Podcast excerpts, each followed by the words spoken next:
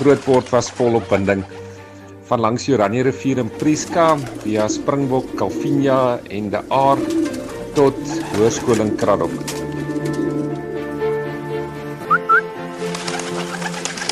En toe by die duiweboer Gogga my op 16 en met die hulp van Noord-Oos-Kaap kampioen oom Casio Berg het ek sommer gou 'n paar super duwe bymekaar.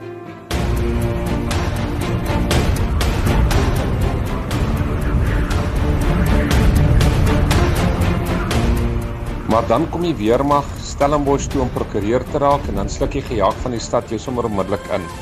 En so smag ek jare later nog steeds na die tuur oor die Karoo landskap en die klipkoppies van Kraddock in hierdie groot afwagting na die verskyning van my wetvlug duif na 'n uh, 1200 km vlug van die Noord-Transvaal.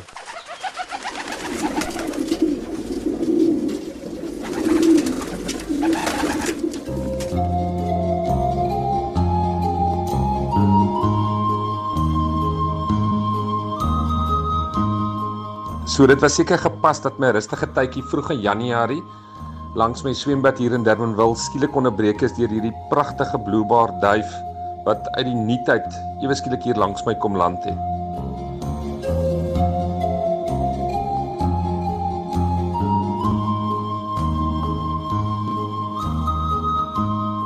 Die duif was verskriklik honger en dors en toe laat ek hom optel en ja, so begin 'n 3 dae soektog na duif se baas.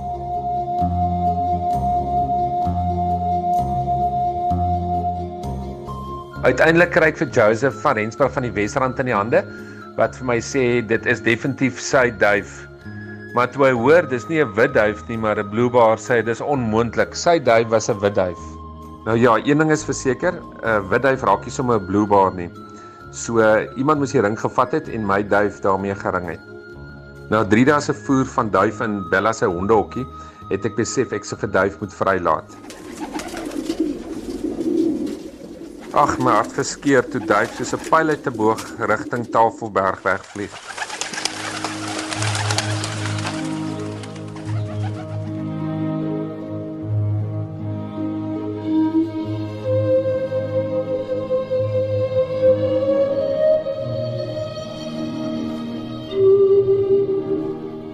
So 'n dag later hoor ek 'n geklop aan die buitestoep se glasdeur.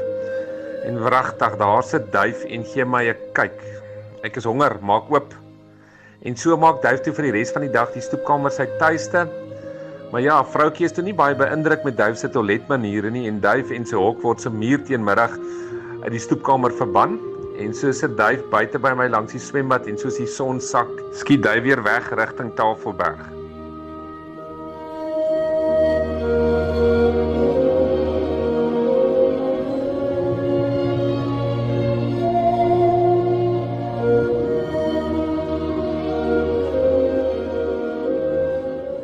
Maar die storie gaan 'n bietjie verder want my grootoom, die bekroonde skrywer Effa Venter, skryf in 1987 'n boek, Die ou man en die duif. As 'n klein seentjie kon ek my verkyk aan hom Frans, waar hy stil in die hoek met 'n tee gaan sit pyp die familiegeselskap sit en dophou en dan so nou en dan sy klein notaboekie uithaal om nog 'n nota te maak vir iets wat hy kan boekstaaf. En toe ek terugdink aan hom Frans se boek, kry ek 'n koue rilling en dit kan saamgevat word in die volgende woorde: Die duif se koms was onverklaarbaar en sy was so fraai, so adelik, so anders.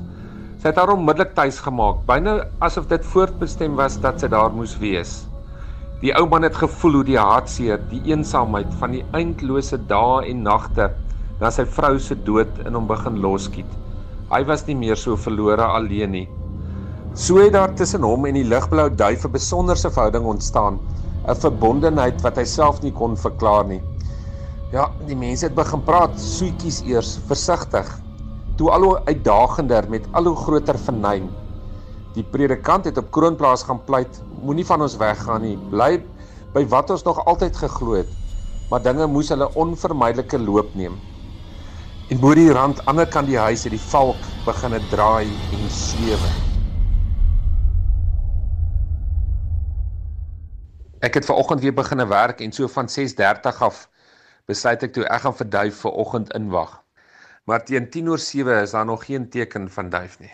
En ek wonder onmiddellik of my duif nie dalk valkontbyt was nie. Terug by die werk kry ek so by 11:00 oproep van vroutjie. Jou duif is terug. Maar nou sit ek wonder ek of hom Frans dalk iets beet gehad het met sy storie oor die ou man en die duif.